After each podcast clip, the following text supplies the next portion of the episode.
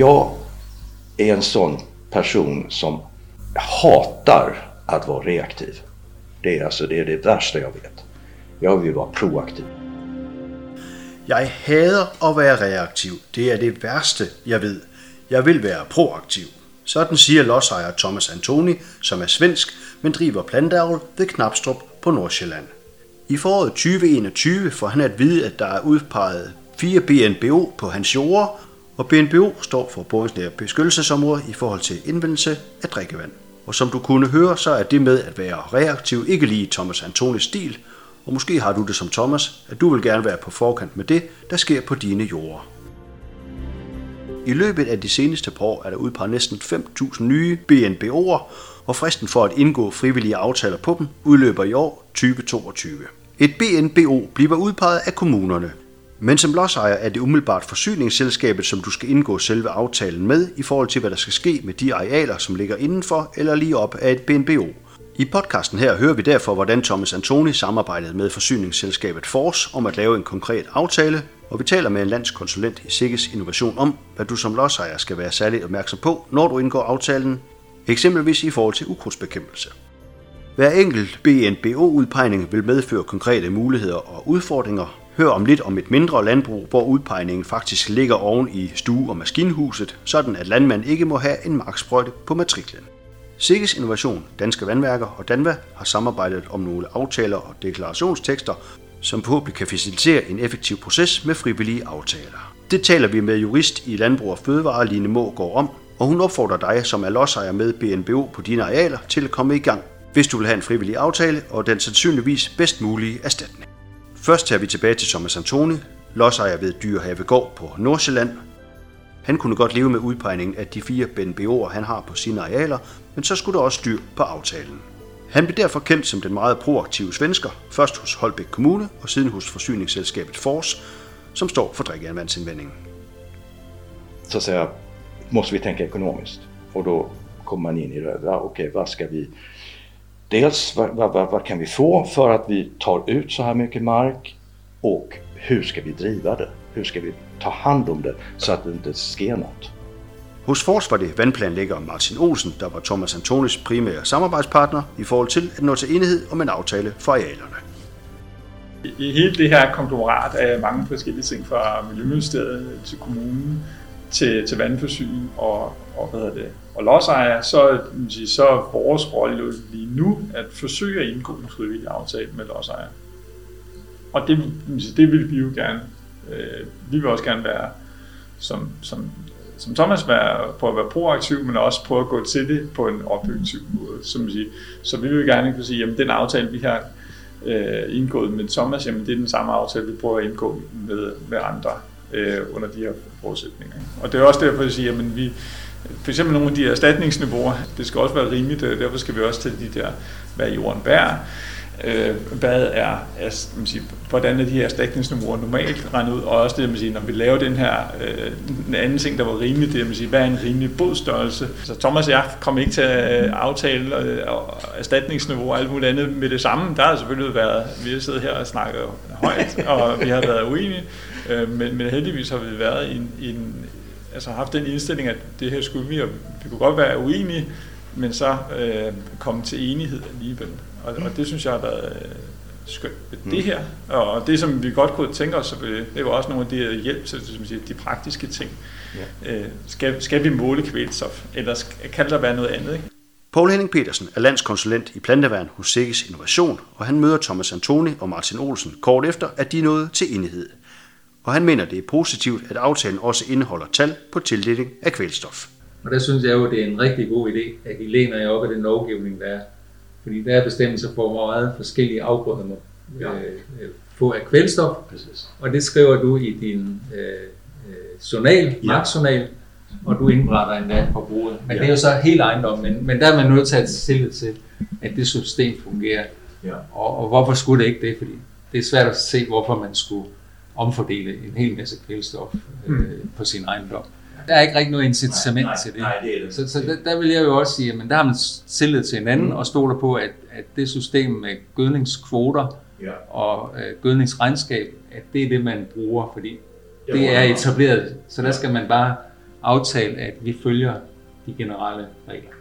Poul Henning Petersen minder også om, at uanset hvad der skal ske med arealerne i forhold til en BNBO-udpegning, så kan man være forpligtet til fortsat at bekæmpe visse ukrudtsarter uden brug af kemi. Hvis man har øh, nogle arealer, der ikke må øh, bruges bekæmpelsesmidler på, øh, så skal man lige være opmærksom på, at øh, sådan noget som bjørneklo og flyvehavre, øh, det er der lovgivningsmæssigt krav, at man bekæmper. Så hvis ikke man kan øh, bruge øh, kemi, øh, så kræver det, at man, man bekæmper det mekanisk på en eller anden måde.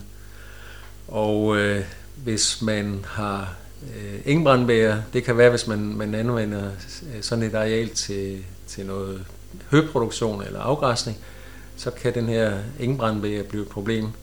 Og der vil man jo heller ikke kunne bruge øh, et ukrudtsmiddel til at bekæmpe det, så, så, så det skal også være øh, noget med at få dem luet. Altså, for eksempel hvis det er bjørneklo, øh, så, øh, så skal de holdes nede, så ikke de sætter frø, og det, det kan man jo så øh, rodstikke dem med en spade, eller med, man kan slå dem, slå dem af flere gange i, i, i, i den tidlige forår. Og, og brandbær, det, det vil typisk være luning. Øh, det kunne også være afpustning i, i lav højde.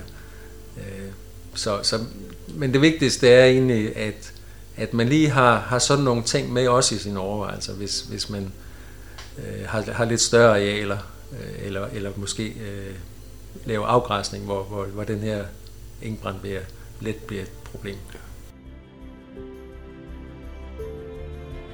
Vi tager nu fra Knapstrup og det længere sydpå til Vallestrup. Her har Paul Henning Petersen været på besøg hos en landmand, der driver et lidt mindre landbrug. Her er den konkrete udfordring, at udpegning af BNBO ligger oven i matriklen stue og maskinhus, og det gør, at lodsejeren faktisk ikke må bringe så meget som en marksprøjte ind på matriklen. Og hvad gør man så? Ja, det er et meget, meget svært spørgsmål, fordi det er klart, når det ligger omkring øh, driftbygningerne, og man bliver låst med hensyn til at overhovedet må opbevare, og man må heller ikke øh, køre med sprøjtemidler på selve ejendommen, så, så er det jo øh, ligesom hjertekuglen, der er ramt. Og øh, i det konkrete tilfælde, øh, der, der øh, er det muligt at, at, at, at sprøjte øh, de fleste af markerne, og der bliver mulighed for at få lidt mere jord, så man får egentlig det samme areal, så man får præcis det samme behov for at kunne sprøjte sine marker, men man har bare ikke noget sted at opbevare sin kemi og fylde sin sprøjte. Øh, så det er jo et, meget indgribende aftale, der, der skal laves her. Og øh, der bliver det jo rigtig meget op til, til den her pågældende landmand at tage stilling til, hvad hans fremtid skal være. Altså sådan i yderste konsekvens, så kunne man jo sige, at, at det ødelægger hans erhvervsmuligheder med det, han laver nu, så han kunne påkalde sig ret til øh, det, der kaldes ekstensivering, altså hvor man øh, forlanger hele ejendommen eksproprieret. Øh, men, men det kan jo også være, at der kan findes nogle gode løsninger, som øh, han kan blive tilfreds med, selvfølgelig mod en, en, en erstatning. Altså, der, der findes jo ikke øh, sådan en tabel med, hvordan man skal erstattes, så, så det handler om at, at finde øh, en, en god løsning, og lige i det her tilfælde, der, der var der jo øh, en rigtig god dialog i gang mellem vandværket og, og landmanden. Det, den pågældende landmand har, har brug for, det er et sted at, at fylde vand på sin sprøjte, så kan han fortsætte den praksis, han nu har med at fylde øh, kemikalierne på ude i marken. Øh, men øh, han skal så også finde et sted, hvor han kan opbevare sine øh, plantevandsmidler uden for bedriften. Det er jo også en, en, en situation, han, han vil havne i, hvor han måske godt i dag kan lave en aftale med en, en, en god nabo. Men sådan en aftale, den afhænger jo så også af, den der kemi mellem de her to personer, holder den også på sigt? Øh, kunne naboen finde på at sælge sin ejendom til en anden? Øh, og hvad så med sådan en aftale? Der opstår en hel masse usikkerhed, som man også skal forholde sig til, og som selvfølgelig skal indgå i den øh, erstatning, man, man ligesom kan blive enige om. Selvom hver BNBO vil være unik, så har Sikkes Innovation, Danva og Danske Vandværker samarbejdet om nogle aftaler og deklarationstekster, som kan være udgangspunkt for det, man skal have med i en aftale. Det er jurist i Landbrug og Fødevare, Line Mågaard, som har været Sikkes Innovationsrepræsentant i samarbejdet. grunden til, at vi har lavet det her samarbejde, det har været øh, ud fra et ønske om, at forhandlingerne kan lettes, når man står ude i marken, ved at øh, vi har gjort noget af forarbejdet øh, på forhånd, øh, ved at landbruget har samarbejdet med, med vandværkerne, og på den måde er det lettere at mødes, øh, når man skal forhandle for eksempel erstatningsfastsættelsen. Det vi har lavet i aftaleteksterne, det er blandt andet, at vi har øh, opsat et schema for erstatningsfastsættelsen. Vi har ikke øh, udfyldt tal, fordi det er en meget konkret vurdering, afhængig af den ejendom, man har med at gøre. Øh, men vi har opsat et schema, hvor vi blandt andet har redegjort for, at der skal udbetales en differencetabserstatning på øh, tab af værdi af ejendommen. Derudover er der nogle øh, ulempeerstatninger, man skal huske at overveje, når man laver den endelige erstatningsfastsættelse. Øh, og til sidst skal man også huske øh, sagkyndig bistand. Derudover har vi øh, arbejdet med deklarationstekster. Det er de tekster, der bliver tinglyst på ejendommen, når man har indgået den her frivillige aftale. Og der har vi øh, samarbejdet om øh, en, en klar, nogle klare retningslinjer for, øh, hvad der skal gælde på ejendommen, øh, hvad er det for nogle restriktioner, der er, øh, og, og har skåret det helt til, så det er let at forstå, hvad det er, man må og hvad man ikke må, når man har indgået de her frivillige aftaler. I forhold til øh, erstatningsfastsættelsen, jamen der er det som sagt meget konkret, så vi har opstillet nogle øh, rammer, en eller anden form for huskeliste for, hvad man kan se på, og den kan anvendes både ved større og ved, ved mindre landbrug. Så den, de er sådan almindeligt anvendelige, de her tekster. Line går ved, at der er gang i forhandlingerne omkring BNBO'er rundt omkring i landet. Og hun opfordrer dig, som har BNBO, men endnu ikke er i kontakt med kommunen eller vandværket, til at tage kontakt og kontakt eventuelt din lokale konsulent først. Jeg har øh, hørt fra folk, at øh, de er begyndt at bruge dem ude i landet, og øh, tilbagemeldingerne har været øh, positive. Folk er, er glade for, at øh, de her tekster er lavet i, i samarbejde mellem landbruget og vandværkerne. Det, det har en, en psykisk effekt, når man, når man står derude, at det er gennemarbejdet fra begge sider, øh, og, og vi langt hen ad vejen jo er enige om, hvordan det her skal gøres. Så det virker til, at de bliver taget i brug og taget positivt imod. Hvis ikke ens øh, vandværk har øh, startet en dialog endnu, øh, så vil jeg selv tage kontakt til det givende vandværk i området, øh, for at få styr på, øh, om der er et øh, behov for at beskytte det her BNBO, og hvis der er, jamen så skal man have kigget på øh, og lavet en frivillig aftale. Det er helt klart øh, anbefalingen, at man er proaktiv og går i dialog med vandværket, øh, fordi den bedste løsning, øh, det er, øh, som det ser ud nu, at lave de her frivillige aftaler. Øhm, så vi anbefaler, at man, man går i gang med det øh, hurtigst muligt, så man kan få den størst mulige erstatning her i fase 1. Som det ser ud nu, udløber fase 1 til nytår, og fase 1 det er den her fase, hvor man har mulighed for at indgå frivillige aftaler øh, og modtage fuld erstatning for det.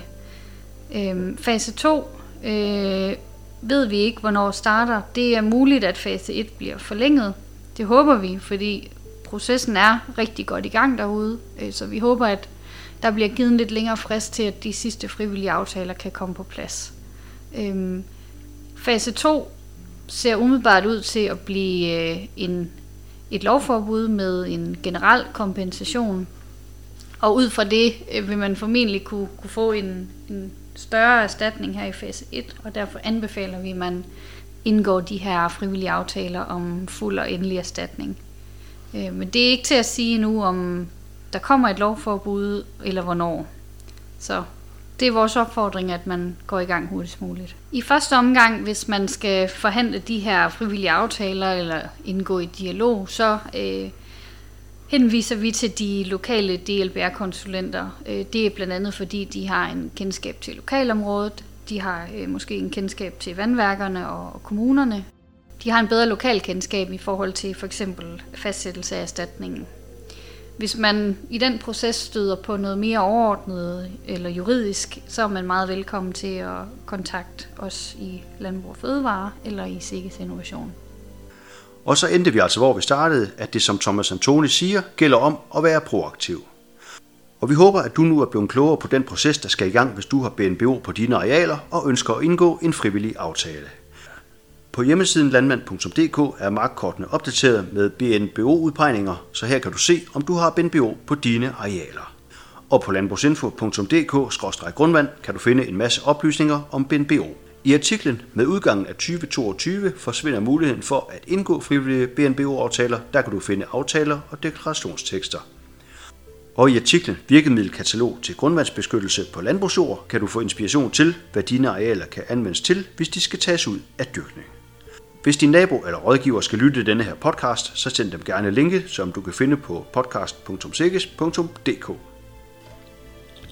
Og hvis du har fundet denne podcast via Facebook, så kan du i kommentarfeltet tagge dem, som du synes, der skal være opmærksom på den. Og hvis du lytter til podcast igennem Spotify eller Apple, så kan du søge på Din Mark lige nu og trykke følg eller abonner, og altid få det nyeste afsnit af Mark Podcast ind i dit feed. Og tak fordi du lytter til podcast fra Sikkes Innovation. Det er altid ny viden på vejen.